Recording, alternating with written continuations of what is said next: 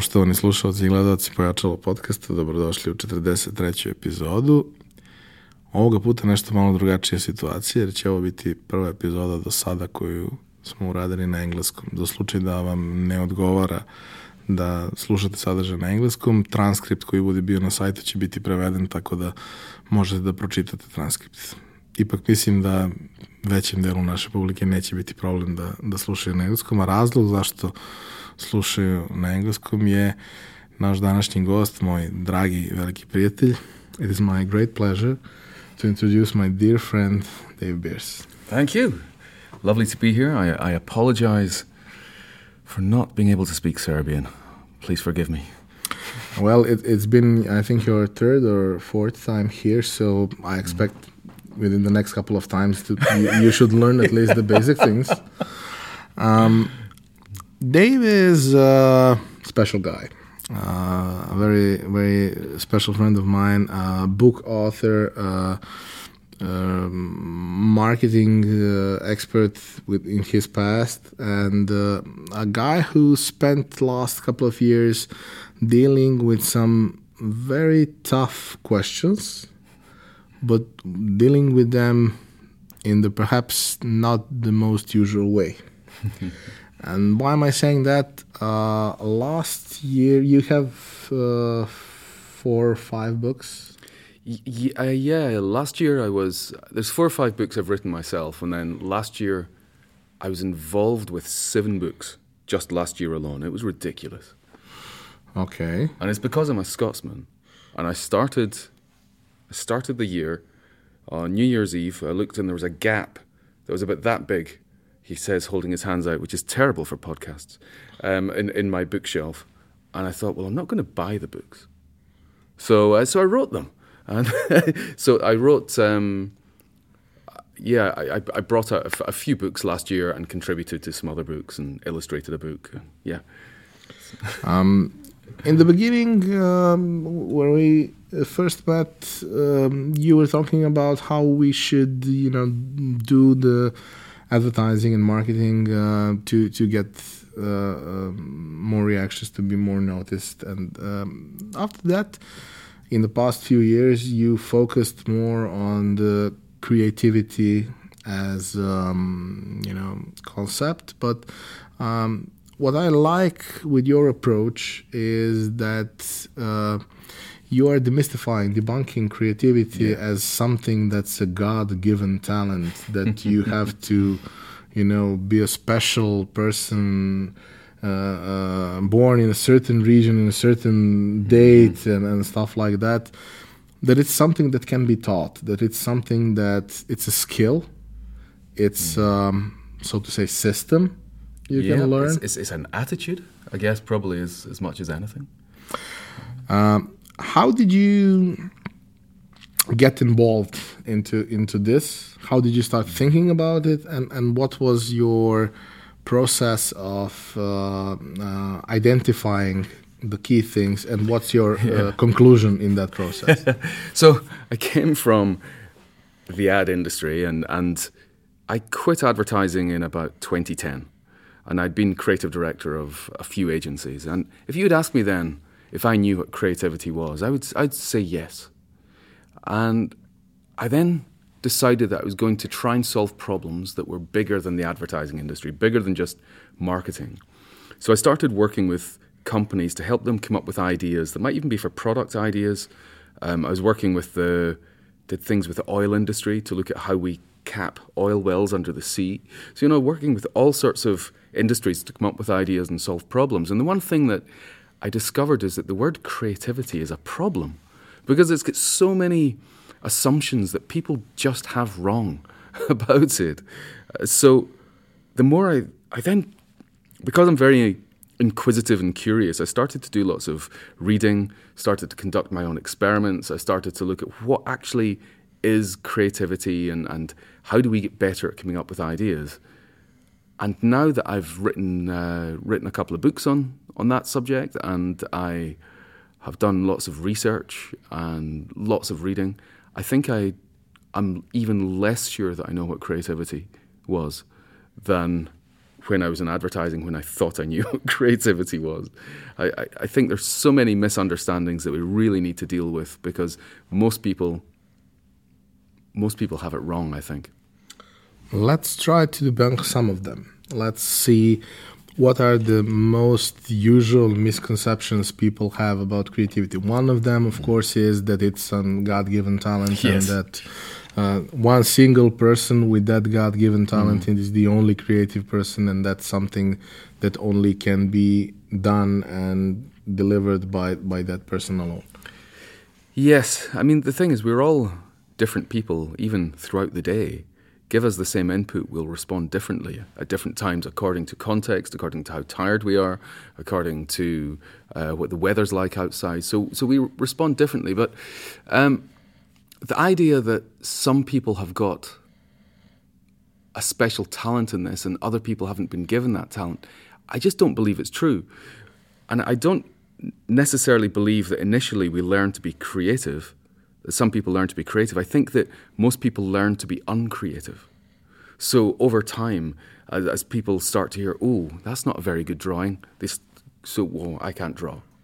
And there's studies that have been done with kids that if you get a five year old and you give them some crayons and ask them to draw an alien for you, they will draw something, it will be horrendous, it will look awful, they'll hand it to you with complete pride. And then if you ask an eight year old to draw you an alien, they're going to start saying, Oh, hold on, what do you mean? What, what, uh, but they're better at drawing than me. And what they end up drawing is actually something that they've seen before, somebody else's idea of an alien. So what we're doing is we're starting to restrict the possibilities, um, the, the ideas that we can have. So you find there was a NASA engineer who did a study um, many, many years ago, back in the, the 1950s, I think it was. And he found that um, kids who are about four or five, 98% of them have like a genius ranking when it comes to creative thinking. Genius ranking, 98%. When you reach the age of 30, 2% of people have a genius ranking when it comes to creative thinking. That's extraordinary. The truth is that we lose our ability to think broadly over time. And a lot of what I do is try to create situations that take away the barriers to allow the talent, the abilities that we all already have to come to the fore. Because even people who are the most conservative bankers, you can still put them in a situation where they will come up with ideas. And that's what I, that's what I really love doing. I remember that there was an old joke where uh, it says something like um, uh, teacher in the kindergarten asks a little girl, uh, "What's your drawing?" and she says, "A god." Well, no one knows how God looks. They will in about five minutes. so, uh, yes, uh, in many cases, in many situations, in many uh, social uh, interactions, you get blockages and you get limitations, and after a while, you start only doing the safe stuff, Yes. which sometimes is okay. Yeah. But if you're trying to come up with something new, that's usually not the way to, to do it. Well, the question is do you want to be replicating the same results or do you want to get different results? You know, for some things, you want to replicate the same results. I've got to be honest, creativity I, I, isn't right for everyone. I don't want My surgeon to be creative. no, my dentist, my airline pilot. I'm sorry, I, I want certain things to be done in a certain way. Um, but there are, there are times, and we're finding this more and more. Studies are showing that in the world of business, more and more people are being asked for ideas. People who were never hired on their ability to have ideas, but they're being asked to come up with ideas. Uh, they've not been taught how to do it. They're in an environment which is absolutely toxic for the ability to come up with ideas. Yet these companies are asking for it. And it's one of the reasons I think why companies are not happy with the ideas they're getting from their employees and why innovation, as a McKinsey study a couple of years ago that I, I often cite, is that I believe it's 86% of CEOs believe that innovation is vital for, for the future of their company, yet only 6% of CEOs are satisfied with their company's innovation. So something's gone badly, badly wrong. So either they're not getting the right ideas, or they are getting the right ideas and they're not executing on them. Or they are getting the right ideas, but they are not liking what they are getting. Yes, bad judgment indeed. um, when we are uh, speaking about uh, creativity, uh, one of the things that that uh, always come up with these um, studies and interesting, uh, you know, pieces of data and analysis. Uh, I was able to read in the past couple of years and watch some nice TED talks as well.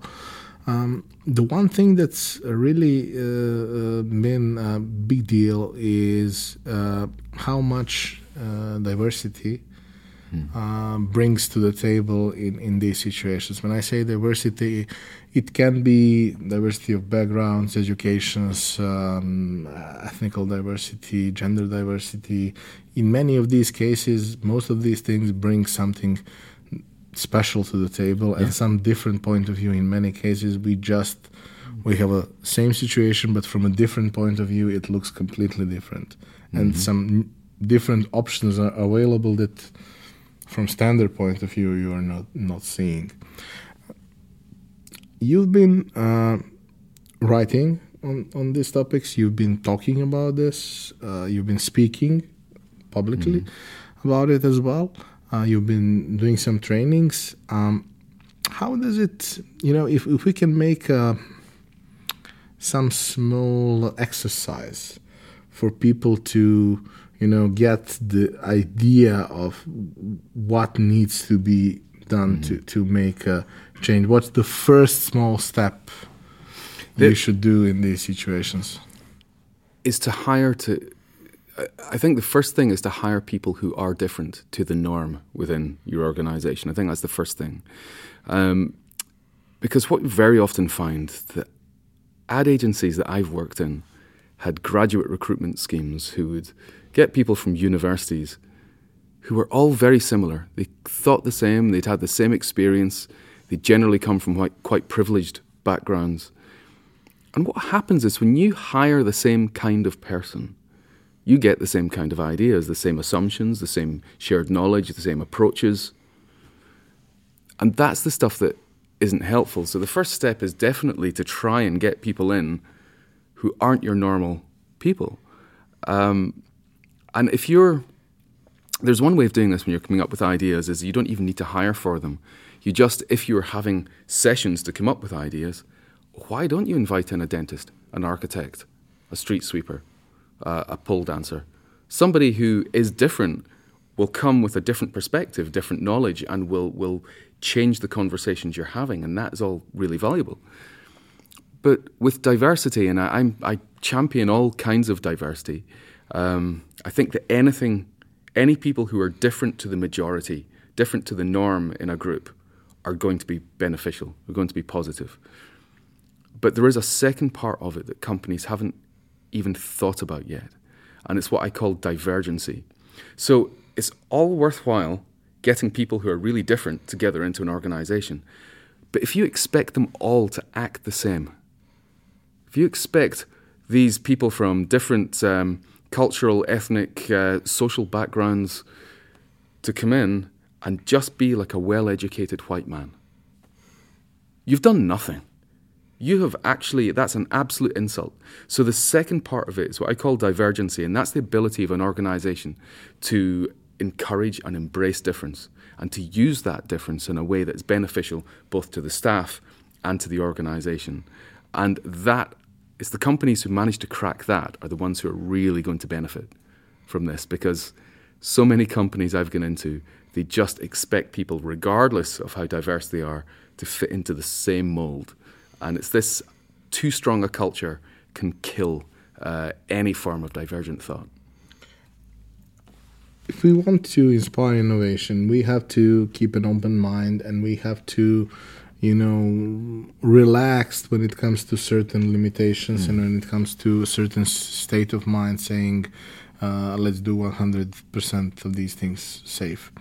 Uh, but it's really tough to to do. So in many cases, we have a you know companies that have uh, one department which is in charge of innovation and creativity, and the rest of the company is working the regular stuff that's paying the bills, mm-hmm. which is not ideal, of course, but perhaps it, it still makes sense because these these guys who who have you know their, their own little community and can can you know make some some difference get isolated and they don't have to follow the the way things are done in in the main part of the company. But even then it's still quite hard to help people make that switch that it doesn't have to everything doesn't have to be 100% safe yeah how do you do it it's tough how do you try? there's another point i want to come back to there but the the way that I, I look at budgets in companies is as investments. So if you are, if you've got 100 euros to invest and you've got a financial advisor, they're going to say, well, take, um, we're going to take 80% of your investment and we're going to put it into low risk, low return investments. That means that your money's probably going to be pretty safe and it might increase a little bit. That's great. That's what we want to do. Uh, and we're going to take 20% and we're going to put it into high risk, high return. Now, this stuff, you might lose your money on this stuff, but my goodness, there is a chance that this is going to skyrocket and you're going to do really well out of this. So, if you've got a budget, uh, let's say it's a marketing budget, then that's what I believe you should be doing with it, seeing it as an investment. Take 80% of it even 90% of it, and put it into the stuff you've always done. It will make you feel safer because you know this stuff. That's great. Put that into the stuff you've always done. But always, always make sure that you have got a little part of that set aside, a 10, 20% part of your budget, which is to do the stuff you've never done before, to do the stuff that's unproven. Because if somebody comes to someone like you for marketing, um, you might say something to them that they don't have the understanding or the expertise to judge properly. But you know what you're talking about because you know what's happening in media and you've got a good instinct that this is something that we should be taking advantage of just now. Now, if they were only going for safe, they would say no to you because they don't understand it. But giving having that 10 to 20% ability to um, to spend money on the things that you, you can't really quite prove yet, that is them giving you the trust to be able to do that. And I think that that would make a huge difference to most people's marketing budgets. And it's something that I think that all marketers should be understanding. And it's the way that they should be following, um, the way they should be spending their money, and the way they should be dealing with their, their own marketing plans. Um, do, do you think that would help from your point of view? From I think so. I think that uh, there's this old note uh, right before they did the Avis campaign for for the rent a car or Hertz. I think it's mm. Avis um, between uh, them and DDB saying that the agency will never know about rent uh, rental business as much as we do, but yeah. we will never know about advertising as much That's as right. agency does. So let's. Yeah each of us do our side best and let's have faith in one another and it's not an ATM machine you and and enter something and the money comes out. Sometimes you don't hit the target you're hoping for but you learn something from that. In the next attempt perhaps you will be better. Mm. but if you don't have the the opportunity to test this and to experiment and if everything is tough on your side that uh, you know after one day of campaign you have to analyze everything and if it's not going right you have to pivot it somewhere. Mm. you're not having enough data to to make a better assumption. Yeah. You're just circling around and you're not getting anywhere. So perhaps it's a it's a matter of trusting your own people, trusting their judgment, and of course, investing in innovation is something you First, investing itself is something mm. you do for the future, and innovation is something that's in some period of time, sometimes shorter, sometimes maybe quite long, something that can make a difference for the company. It's not core business. Mm. No one's core business is innovation. Yep. And usually, when you analyze the situation, in, in many cases, those guys who were uh, the most innovative ones and who talked loud about that didn't live long enough, the product didn't live long enough for its time to come. So we have to maybe be smart about it, but still, the only way for companies to survive through iterations and, and generations of products is to do stuff better and to do a different kind of thing. Because you know improving on a certain process that's that can be innovative in mm-hmm. a small dosage but that's Yeah. just you know a small difference somewhere and in, in the re- end result it, it makes maybe a little bit more difference. Mm. But it's not a revolution of any kind. It's not a new product. It's not a new way of doing things it's just improving on what's already there that can be done in, in any system that can be done through repetition But I, I think that most successful innovation has that approach, though. I think there's a there's a myth in the West about disruption, and it's that we need to be disruptive. You know, we hear it at conferences all the time, people talking about disruption, and and it annoys me because I don't believe it's the way things work. I don't believe you become successful by trying to disrupt. I believe that you can only use disruption in the past tense to say that that disrupted. And it's actually it's the way that when we look at the Clayton Christensen's book, The Innovator's Dilemma, which is the book that popularized the term disruption, that's what he says is that it's any technology that comes around and uh, changes a market unexpectedly. Now, that means it has to change the market before you can call it disruptive. The problem is that people are putting the whole thing backwards and saying we want to be disruptive. And that is the thing that what you're then doing is saying that as a company, we need to unlearn what we're doing and, and do something completely different. We expect our supply chain to to act in a completely different way and to unlearn the previous way and, and start doing this now. We want our uh, customers to stop doing it that way and to do it this way now. That's what disruption is. You don't want that. That's huge risk and massively costly. That is a terrible, terrible way to do business, as far as I'm concerned. But when I talk about the way dis- the innovation actually works, I very often talk about the 250 year history of the smartphone. So, of course, when, when you ask people what's the most disruptive piece of technology in recent years, they very often say the smartphone. That's the most common answer I get from people. So it's okay, well, 250 years ago, it was before the steam engine was invented. And there was countries were at war with each other and they had their ships. And if you wanted bigger guns, you needed bigger ships. Bigger ships needed bigger masts. And there was a person at the top of the mast in the crow's nest who'd be looking out to see what's happening round about. And the, the further you are from the deck, and the, the guns are firing and, and there's wind and there's rain, then if they're trying to shout down to the people on the deck, the people on the deck can't hear them.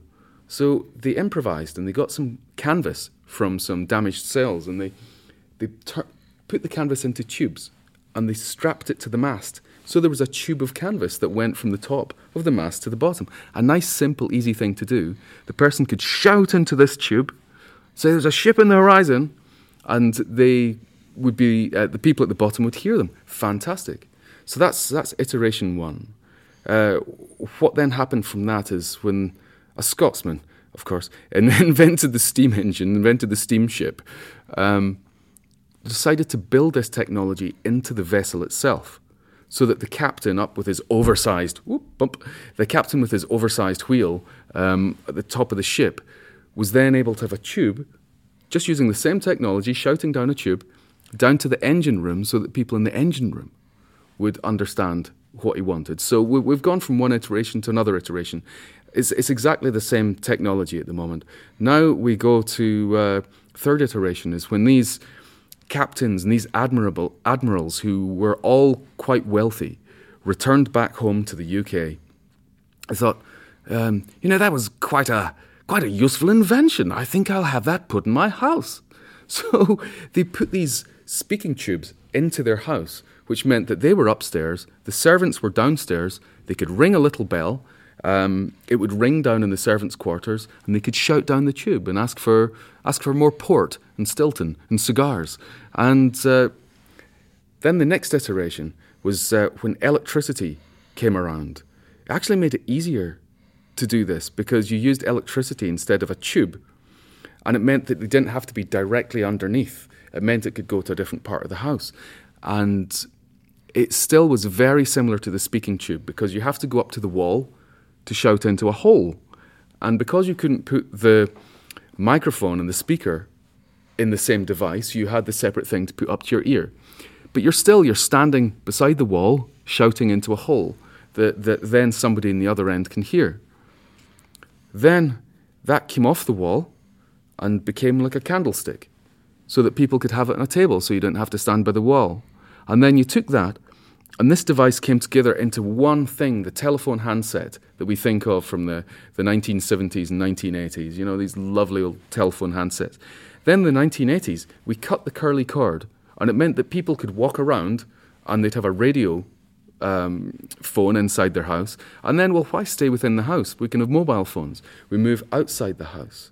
And then now, as we get technology that becomes more and more miniaturized, we were able to cram more and more things in, which meant there was more functionality. So the screen was able to grow at the same time to allow us this extra functionality until now we have a, a slice of glass with a computer inside it, and a, and a phone, uh, and a camera. And all of this, and a television. Yeah, all of this stuff in this incredible device. Now, compare that to the rolled up tube of canvas that I talked about at the beginning. Is there any similarity there? No. No, functionally and visually, there's no similarity. The, these things are entirely different. Yet, at no time through that process was there anything that was more unfamiliar than, fami- than familiar. So there was always more familiarity than unfamiliarity at every stage of that process. That's how proper iterative innovation works. You look at what Apple have done when uh, they were late to the market with smartphones, but they came in at just the right time. Because smartphones have been around since 94. And they came in, and when was it? 2006, I think it was? Six or seven. Yeah. Seven, I think. And you look at the iPhone now, you look at the original iPhone, which I've still got in a drawer in my desk. Same here. Yep, and they, they look very similar. You, you, you can see that they are and to be perfectly honest, even though 12 or 13 years have passed or something mm. like that, that original device is still amazing. Yeah, it is. And, and the, it's been little changes. I mean, so much so that every single time Apple brings out another phone, there's always people that go, oh, they've hardly done anything. It's just that that's good. That, that is good innovation. You don't want to be radically changing it all the time. You want to be constantly improving it. You look at uh, Nike Air so that came around in 84, I believe, the first uh, Nike Air, um, the Air Max 1s.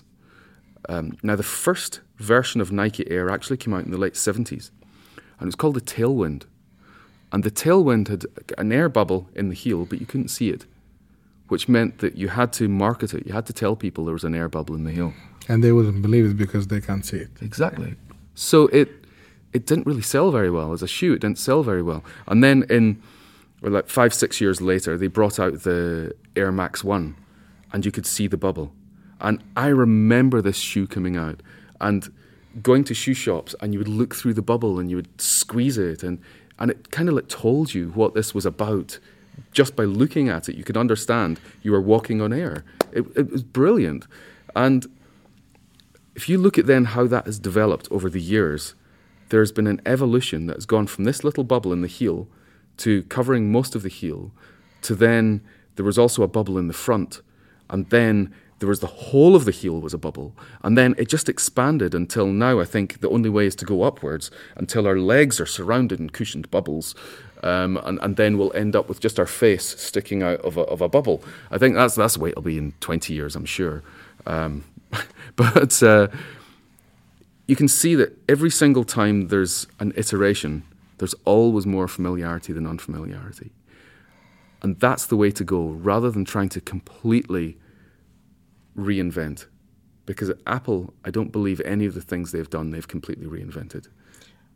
But the first thing they did was something in that sense never seen before. It's not the 1st Mm-hmm. time you see a cell phone with a big color screen, but you never had the chance to have an interaction with that kind of screen.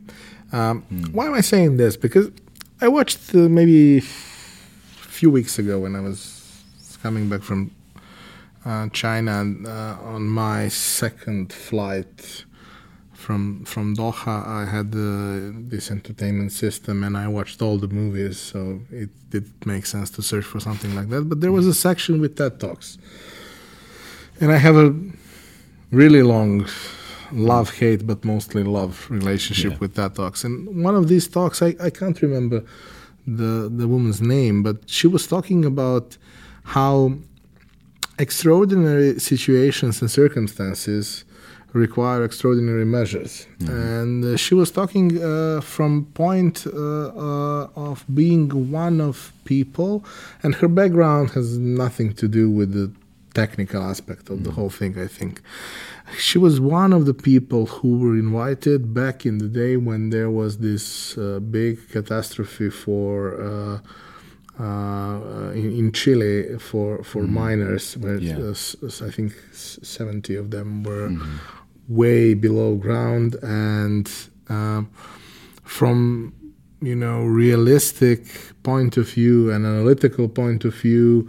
Uh, it was uh, no win situation. It, there's nothing that could be done to um, you know uh, evade the inevitable catastrophe yet they managed to rescue them and Yeah. they managed to rescue them through bringing so many different people with so many different ideas where their egos had to be succumbed mostly and in that situation it's it's a little bit easier than in others because mm. it's people's lives so no one is looking mm. to be a egomaniac in that situation. Everyone's key interest and priority is to get as many of these people alive and safe as possible ideally all of them.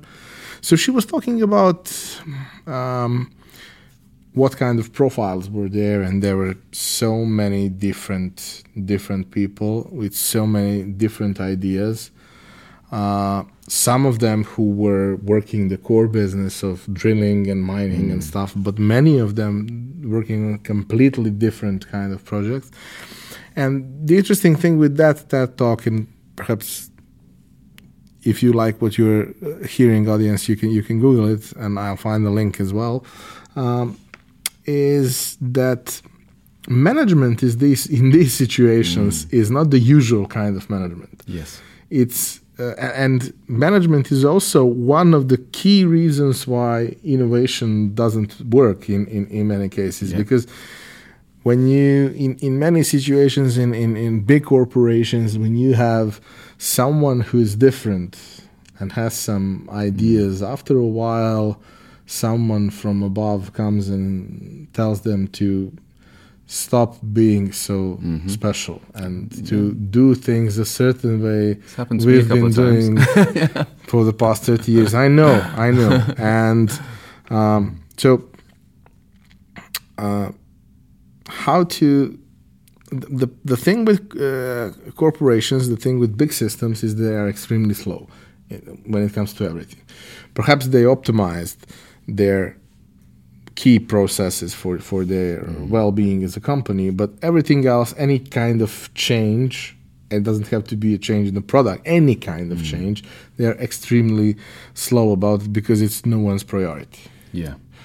in other ways, uh, if you have a, a group of guys doing fairly same am- amount of work for the same salary under the same job title, you don't want any of them standing out too much Yes. because it's a problem. In that kind of organization, it's considered a problem. Mm-hmm. How can that be uh, an opportunity instead of a threat? It's completely about leadership. Um, I, I, think that leadership in organizations, very often in, in recent years, it's been finance people who are the ones who have made it to the tops of the companies.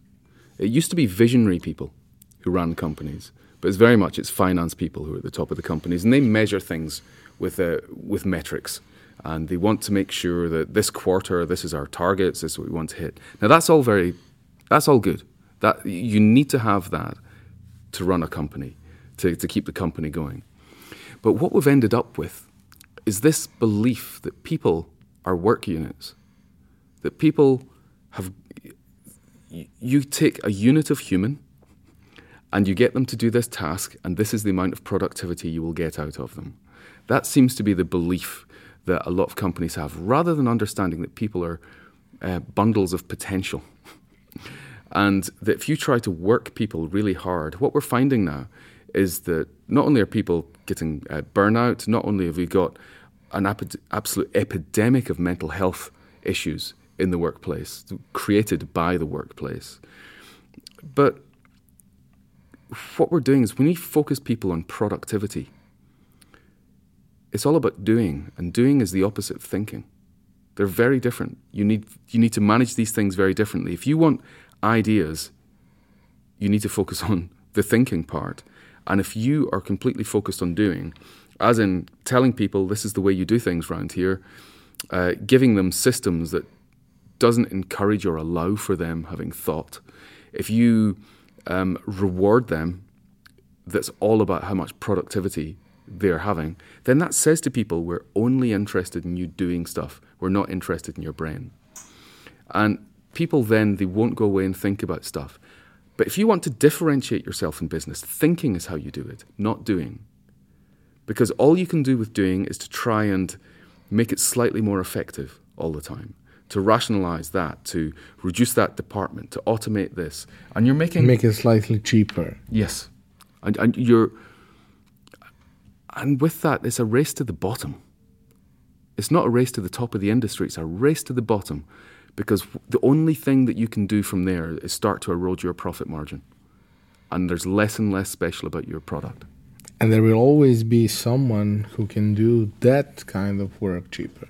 Exactly.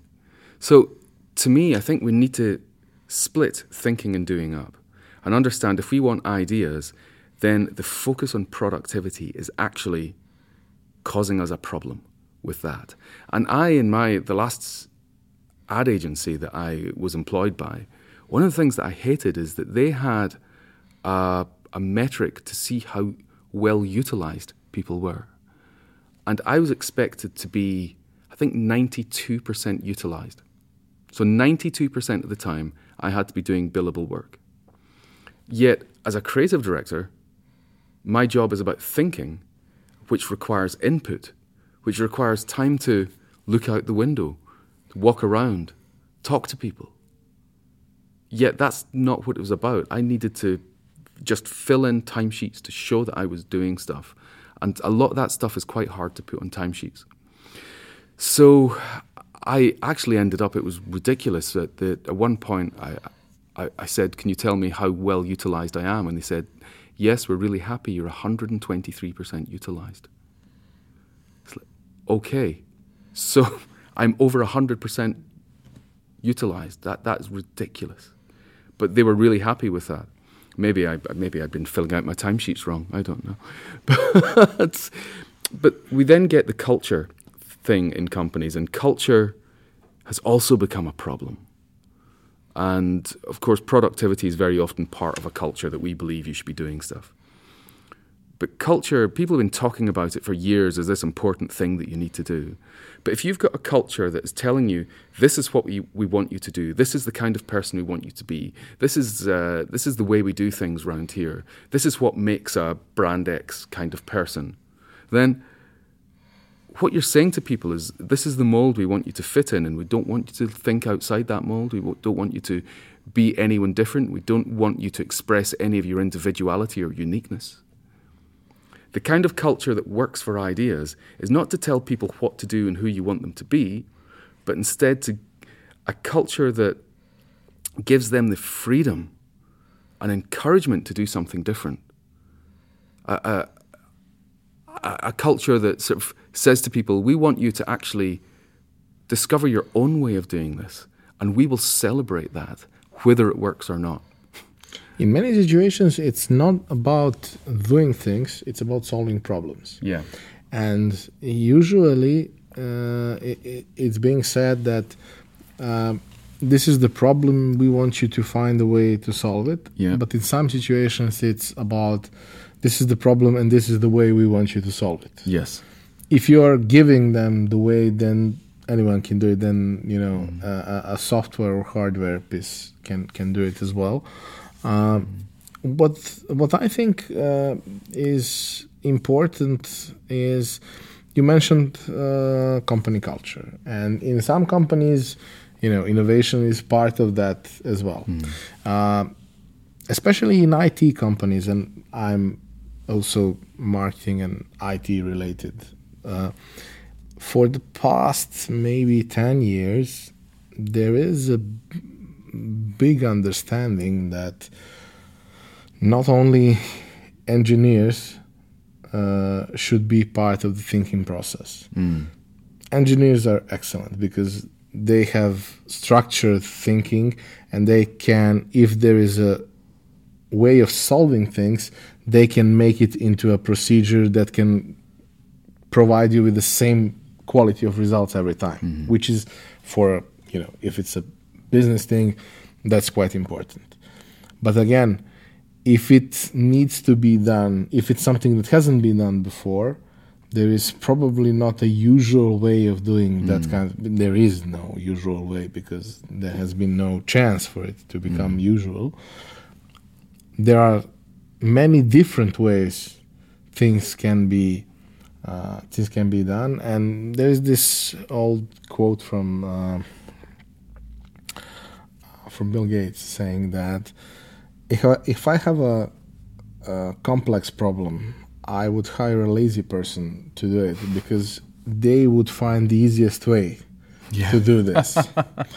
And that's in many situations that's a very interesting hypothesis which i think uh, makes a lot of sense because when we are speaking about someone as being lazy it means he is not doing or she is not doing uh, a bunch of repetitive tasks every day but they are doing certain things maybe their way. They are finding a different way or shortcuts and stuff. And sometimes these things make a big difference and you know repetitive tasks are something that uh, in the next decade or two will be replaced by manual labor will be replaced by you know robots and, and technology because it's it's cheaper it it doesn't need to you know have uh, it doesn't need to sleep or relax and it, it does the same thing every time 100% it just needs maintenance from time to time and not not really too often. But when we talk i had the situation uh, maybe a couple of times to, to talk to youngsters uh, right before they are deciding which college should they enroll to and which should be their primarily primary field of study and work in the future. And in many cases, uh, at least here in Serbia, um, these youngsters are not aware of the fact that many of the things they're thinking about by the time they finish their school will not exist.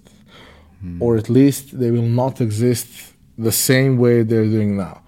For example, if you're, you know, I, I don't know how someone can be, but you're if you're into accounting, mm, uh, there's an app for that even now, and Yeah. in ten years that app will know more than any accountant uh, you can you can find now, and in many other, you know, for journalists, there will still be enough room for some amazing people doing some amazing stuff, but the general stuff even now most Yeah. of these things are generated they are not written That's right. And when I was editor at large for the Drum magazine, it was one of the things that we were looking at. Um, not to replace it was just a, not to replace our journalists, but it was just a technology we were interested in because we were looking at trends in technology in, in the media industries. Um, was that there were these I guess machine learning AI kind of systems. I mean, I always struggle to use the term AI because I think it's it's, it's a bullshit term a lot of the time.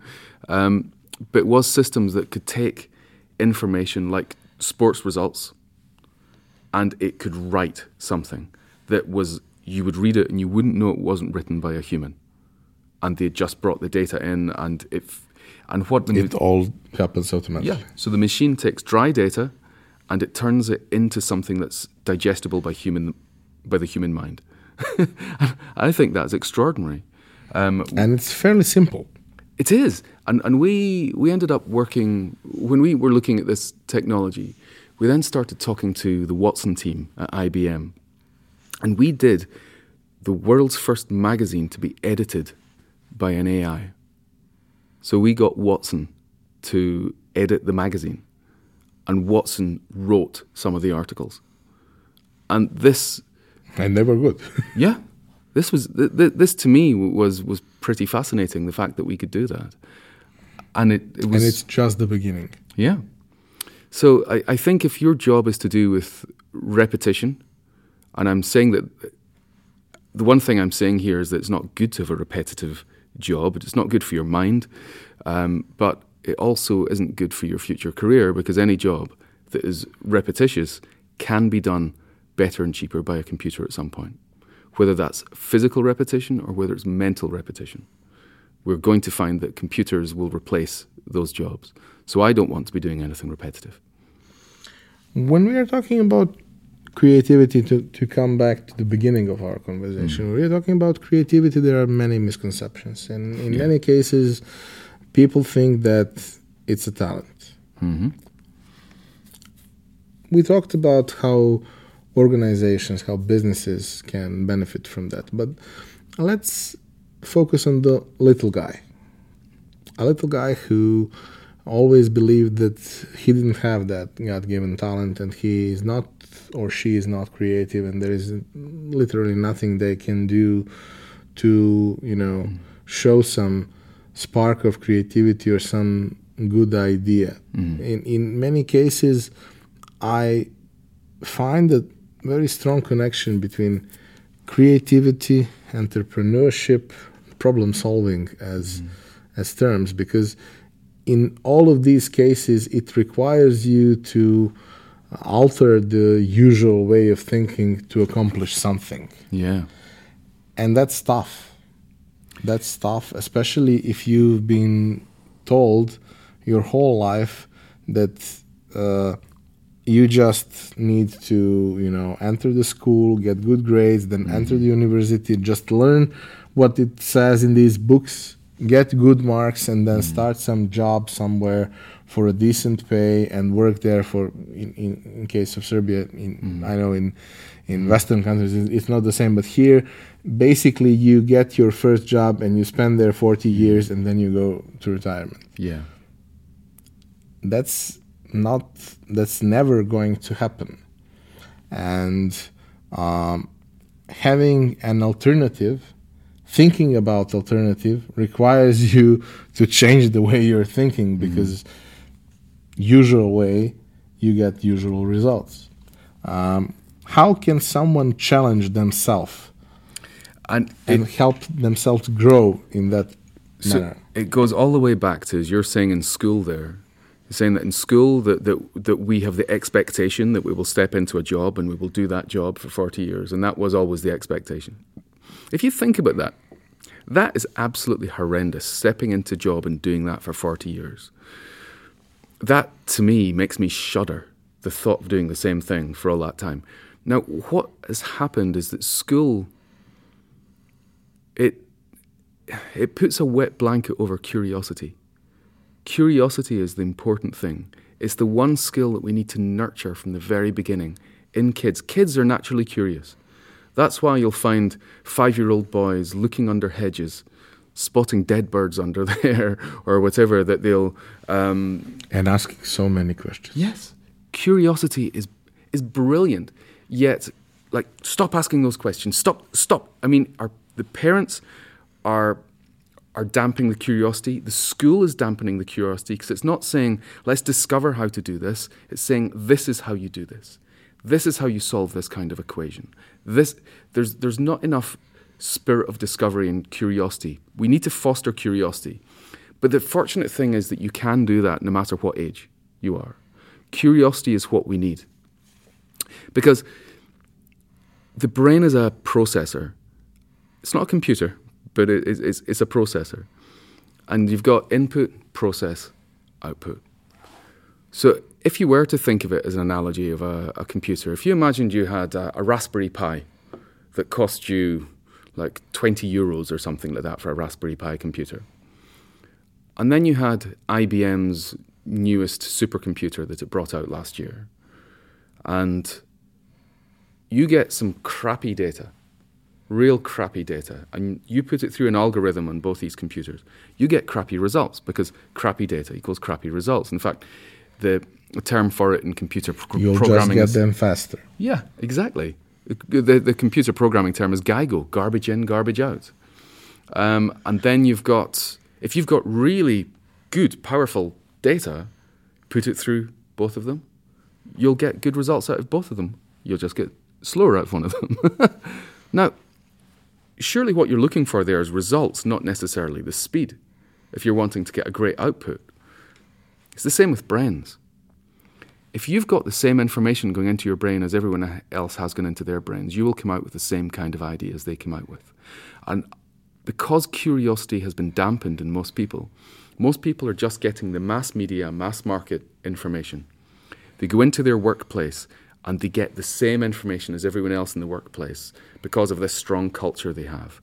And everyone in the workplace has the same knowledge, the same assumptions, the same processes. So everyone comes up with the same kinds of ideas. And that's not a value to anyone. So if you want to be able to come up with ideas that no one else can come up with, and I promise you, you can, it's quite simple. You just spot things that no one else spots. If you're curious and you fill your mind with a breadth of information, that breadth of information gives you more to draw on. So that when you're trying to solve a problem or come up with ideas or anything, you can bring all of this stuff together because you may find that actually a documentary you saw on the mating dance of the, the uh, some sea lion in, in the Galapagos actually has got something that you could learn from. Of course. And that could help you in this way of structuring a spreadsheet. I don't know. but, but input is what feeds output. And most people have very, very narrow input. So it's very easy to get good at coming up with ideas. It's just to fill your mind with the stuff that you don't think other people have spotted, to get into the habit of looking for what other people haven't spotted. So when you see something that you really like, ask yourself, why do I like that? Write that down. Write down the different points. And this is what I'm about to do in a, a workshop tomorrow, is, is give people input and then they work out what they can learn from it. And you take these points, and then when you need to come up with ideas, you go back to this list of things you've learned from good things, and you start using these points to help you come up with ideas. And it completely changes the way you think. So it's everything that happens outside of an idea generation session is what affects what happens inside the idea generation session. And you can't expect just brainstorming skills to be able to uh, get you out of the fact that you've got nothing valuable in your brain? Um, we have a few more things we need to talk about. Yes. But uh, one of the first things is that one of the key reasons why people and companies go safe mm-hmm. uh, when there is an opportunity to pick a different mm-hmm. way is their gut feeling. Mm-hmm. And in many situations, you have some great leaders or great leaders saying that my gut feeling got us this far. In yeah. some situations, mm-hmm. that gut feelings make in the end some amazing results and amazing things. But in many situations, tho- those gut feelings just say, "Let's play it safe. Yeah. Let's not take a chance." Uh, why does that happen? And what is the way of um, persuading yourself that you shouldn't maybe Yeah. do it that way? Brilliant. Yes. Um, let's let's do a bit of neuroscience here. So we like to think that all of our thinking is done in the meatball on the top of our neck. We think that that's where, where, where the thinking happens. But like all animals, we have a distributed nervous system. So as a as a guitarist, I go to play a note. I'm not consciously going, right, put your finger there on the fifth string, on the seventh fret, move it backwards and forwards in this rhythm to get vibrato. I'm not thinking that. Do you know why? Because my arm is doing the thinking. I have muscle memory. My arm, my arm is thinking. That freaks me out. but we've got the second. If you are thinking, you are going to make a mistake. exactly. Course, like when you're playing you know, basketball, and if you make Yep. That shot 10 out of 10 times, if you missed it, you probably thought too much. yeah, so true. And w- the second brain that we have, it's not what the, the sort of thing that people think that, that men's second brain is. Um, it's our, our second brain is, is our gut, our digestive tract, and it's got more neurons than an entire hamster. So there's more neurons in your gut than a hamster has in its entire body. It's about a quarter of a cat's brain you have in your gut. Now, the interesting thing about that is those neurons, 90% of them only fire in an upward direction. And why is that? Well, this part of your brain, your gut, your enteric nervous system, is designed to respond to threat. Yet, a lot of people, and particularly in business, think that a gut reaction comes from all the past experience they have, all the past knowledge they have.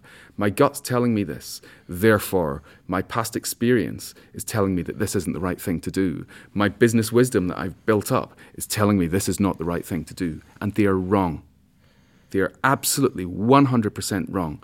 When you feel something in your gut, and you do genuinely feel it in your gut, because the, the brain down here in your digestive system it's designed to be releasing chemicals to do the stop your digestive system when it's fight or flight, all of that stuff. It only deals with threat. And what happens is when people react to this and they go, "Oh, that makes me feel uncomfortable in my stomach. My gut's reacting." They put their hand up and they say, "No."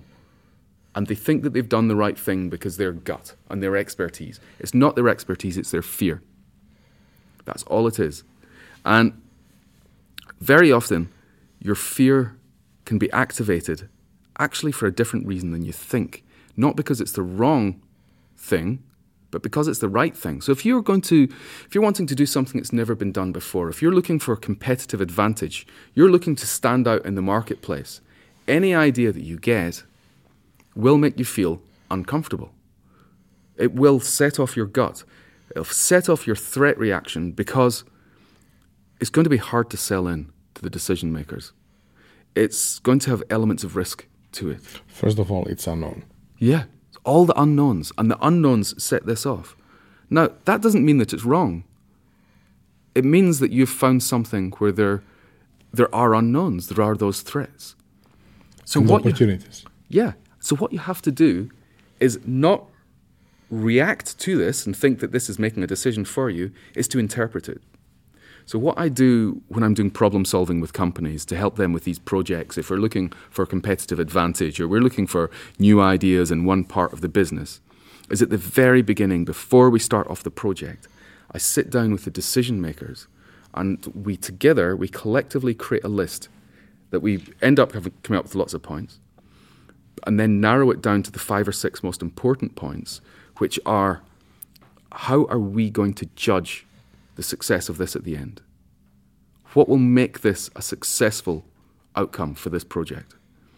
And if you're wanting to get competitive advantage, then one of these points has to be that we're going to do something that no one else in the market is doing. That has to be one of those points. And then you're going to have other things in there that are ways that you're going to judge it. And this becomes really useful Because at the beginning, what you're doing is you are getting it down, focusing on the most important things that you need to do in this project. And the discussions that I have very often end up changing the brief and the requirements when they realize that we actually were probably asking for the wrong thing. So it's great for focusing at the beginning. The second thing that it does is it keeps people focused throughout. So when they're working on it, they're able to refer back at any time to see are we on track, are we not on track. Then when they come up with ideas, they can go, does that tick all of these off? If it doesn't, is there anything we can do to adjust this idea to make it tick these off better? And then when you present the stuff, it becomes far easier to sell because you say, when we got together at the beginning, this is how we agreed that we we're going to judge the ideas. Now I'm going to show you the ideas, and I believe we have ticked off every single one of these. Let's look at the ideas based on the filter of these criteria that we come up with at the beginning. Brilliant. You've done it. You've nailed it. It's so much easier to sell. And it means that you're actually going to get something which achieves what you are wanting to achieve at the beginning. And it means that the judgment at the end is not relying on the threat response in your digestive system. And if this thing reacts, then you can then rationally talk about why it's reacting and whether it's a good thing or not. And are you trying to tell me that this um, model mm-hmm is what you suggest as a replacement for brainstorming sessions? No, there's there's uh, there's other things that I, I do for. I mean, brainstorms is I I, I hate them. Um, they, they they are they were created in the 1940s, and about ten years after brainstorms were invented, there was a study done. I think it was either Yale or Harvard where they got some students, and I think it was 20, 20 students they asked to come up with ideas using brainstorm techniques, and 20 they said, look, just individually come up for the same amount of time, generate ideas. They found that the ones who worked individually came up with more ideas, came up with a more diverse range of ideas, and came up with more practical ideas when judged by a team of experts. The ones who were in brainstorms, they actually found that they, they narrowed down, they ended up coming up with crappy ideas, and you've got this race to the bottom. They, they shaved off all the edges. yes, yeah, all the spiky bits, all the interesting stuff. They, they remove all that until you've just got this. It's like a it's like a warm beer at the end. It's just horrible. So it's brainstorms have been so many studies done into this. So instead of using the term brainstorm, I recommend you use the abbreviation of BS. because that is what they are. They are absolute nonsense. So I've got exercises. I, I work uh, I'm working with companies to help them come up with ideas. I've got a number of exercises, and I will change the exercises depend on depending on what we're doing. They're, they're all designed to get people looking at things from different directions, to bring in multiple perspectives. And I use a structure to get us through this, and I call it right thinking, which stands for uh, research, insight, generate ideas, hone the ideas, which is like polishing them, making them better, test the ideas. And so, all the way through that, we should be looking for the unusual. Because when I said fill your mind with stuff that people don't normally spot, that's what we need to be doing throughout this whole process. So, research, we should be looking for the things that people don't normally spot rather than just Googling and you know, and, and internet is a very nice place to fill your mind with weird with stuff. the same stuff that everyone else has got. Yeah, uh, and some weird stuff. Yeah. very few people see. Yes, yes, there is that. If you can find a YouTube video with less than three views on it, that's that's a good start. so. Um, so, so the research, try and find the stuff, and particularly look for human insight, because a lot of the problems we're solving involve humans, and humans are the glitchy, uh, the glitchy parts of the machine. So look for the human insight. Um, so it might be that you, you find when you look at this that the button keeps breaking. And actually, the reason isn't that it's a bad design of button, it's actually a normal design of button. The fact it's maybe not the button itself, it's the, the feedback system. So it's not immediately telling people that the button has activated anything. Therefore, people hit it harder. Has it? Come on, come on. so you find that most people would think that the button was the problem, but it's not. Your research will let you understand. The button is just the tell that yeah. there is a problem. Yeah. So it, it's like uh, an exercise that I often do is a very old exercise that one of the bosses of Toyota came up with in the 1950s, which is just five whys. You just ask why five times. It's so powerful. It's brilliant. And, and uh, frequently exercised by up to four or five year olds. Yes. they they tend to ask why m- more times than yeah. you can give them answer to. Yeah, I, I very often when I'm consulting for companies, I, I, say that you're paying me to be the annoying child, and uh, I, I, even offered uh, one of my consulting clients that I would build them a model of me to sit in a chair, and they come up and they press a button and the first time they press the button, it just says why. And then you press the button again, it says why. And you press the button again, it says why. And then after five times you press the button, it just says, now you know. but um, so, so research is, is this important bit of gathering all the information that's going to be valuable to you and look for the stuff that people don't spot. Then insight is when you've found an interesting observation from your res- research. Insight is the interesting reason behind the interesting observation. So, as an example of that, I very often sort of say to people that um, if we were to find out that every Friday that uh, millennials have a 27% higher chance of wearing odd socks, then it's like that's a piece of research. That's a statistic. That's it's interesting. It, it becomes something you can tell people in the pub. Really, did you know that? 27%. But it's not actually that helpful yet. Insight is the reason behind that. And then you find the reason behind it is that Thursday is the new Friday. It's the new going out and drinking night. And what happens is uh, they're hungover on a Friday morning and the alarm goes off and they just pick up whatever's on the floor and put it on their feet and in they go. So, so at this point, we've got something that's helpful. So our insight method behind the madness. Yeah, we've got the reason behind the observation, and that helps us come up with ideas. The twenty-seven percent statistic does not help us come up with ideas, but the insight does because now we know that if they're out drinking on a Thursday night, we could maybe create an app that would help them find interesting places to drink. We could give them uh, recipes for lower alcohol drinks. We could maybe reward them so that the earlier they go home, the cheaper their taxi is maybe on a Friday we could start an hour later because they're going to be hungover and we actually allow them that. So we're going to get better work out of them. We just shift the workday back an hour. So, so there's all sorts of ideas we can get when we've got an insight. The, the statistic itself doesn't help, but the insight does. Generate ideas, there's lots of different techniques we can use to do that. I prefer to get people thinking by themselves first. And then, if you've got an idea generation session, you get people to come along with ideas so they're already started. You don't expect them to come up with an idea, just give them the information, come up with idea, because then you get first thoughts. First thoughts are obvious thoughts. Obvious thoughts are low value. So, get people to think about it first, then um, maybe get them coming together to help sort of build on those ideas. Then you need to learn how to judge those ideas at the end, you know, as we said, using those criteria. Then the when you say judge, you mean evaluate. Evaluate, yes, to, to select the best ones. And then you've got uh, honing, which is developing the idea, because what we get at the end of these sessions isn't something completely brilliantly thought through very often. It's, it can very often be quite a broad idea. Or a rough. Yeah. And then you develop it to make it as strong as it can be to look at other ways of executing that potentially, to look to see if you can make it bigger or make it smaller, make it more focused. Then you want to try it out, turn it into a prototype, to test it so that you've got results to validate your thinking and to learn from. And you can also use those results to help you sell in to the decision makers at the end. Because rather than just going, hey, I've got this great idea, and the decision maker is going, proof well, of concept proof? as well. Yeah, you've got if you're not able to say that someone else has done this and this is results, you've at least got data to convince them that there is something in this.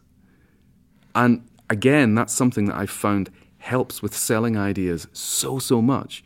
So, I mean, if, if anything, maybe the, the, the summary of this podcast is if you want to sell ideas, um, the, the two things are is make sure you've got tests that, that actually sort of show you that and make sure you've worked out your criteria at the very beginning so you can use them at the end. Dave, thank you so much for what we talked about. Um, what I wanted to say as well, I think I mentioned it in the beginning, but maybe I didn't. Uh, your uh, your book on ideas is also available in Serbian uh, since Yes. may- maybe a few weeks. Which is great. It's a book, another book I can't read.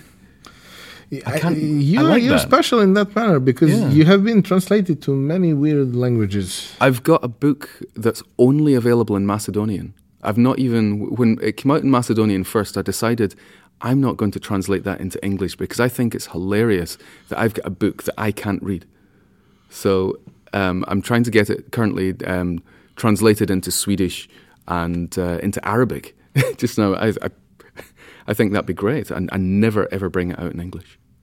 Um, your book in Serbian uh, has um, many of your thoughts, many of the studies, analysis, and ideas on what we've been talking about. Um, what's um, what's the future holding for you? What what are your next endeavors you're going to accomplish? Well, I'm doing some films at the moment uh, for for YouTube that are experiments. So I'm I believe that we don't have enough understanding and knowledge yet, particularly in the area of creativity. Uh, there's been lots of stuff that's been done in um lots of stuff done in laboratories, but I'm actually interested. One of the things I'm really interested in is doing studies in the workplace to understand how we can get better ideas out of staff. Um, but I'm doing some studies at the moment. So, um, our our friend of the podcast, uh, Rhea, uh, Rhea Doretto, um, we met up this morning to actually do some filming for one of those experiments because we did an experiment that's actually in the book. So Rhea's in the book. His drawings are in the book alongside mine because we did an experiment to see if we could teach our wrong hands to draw. So I'm right handed, so I did a self portrait every day for a month with my left hand. And he did the same, except he's left handed and he did the portraits with his right hand. And we learned so much from that. So we're really interested in experiments. Um, I've got um, some LinkedIn courses coming out at the beginning of next year. So LinkedIn Learning has asked me to do a couple of courses on creativity, and, and one of them is on how to manage people to get better ideas. So, the beginning of the year, uh, they will be released. I'm working on another book at the moment with my friend Soon Yu. That we wrote another book called Iconic Advantage that came out last year. And Amazing book cover. Thank you. Um, and I'm uh, I'm consulting. So I'm consulting for businesses. So businesses that are interested in getting better ideas out of their staff, in solving problems, in getting competitive advantage. I'm working with them to help them achieve that because all of that requires ideas and they need to have the right conditions to get the right ideas. So that's what I help them with. Dave, thank you. You're welcome. Thank you. And thank you, listener, for getting this far through. If you're listening this far through and you didn't switch off already, you are a pretty awesome person. Uh, it has been um, weird and tough for me because this is the first time I've done this in English. In many other situations, I've done some interviews in English, but then you are not the one in front of the camera and your, your voice is not recorded as well. um, I hope this was interesting.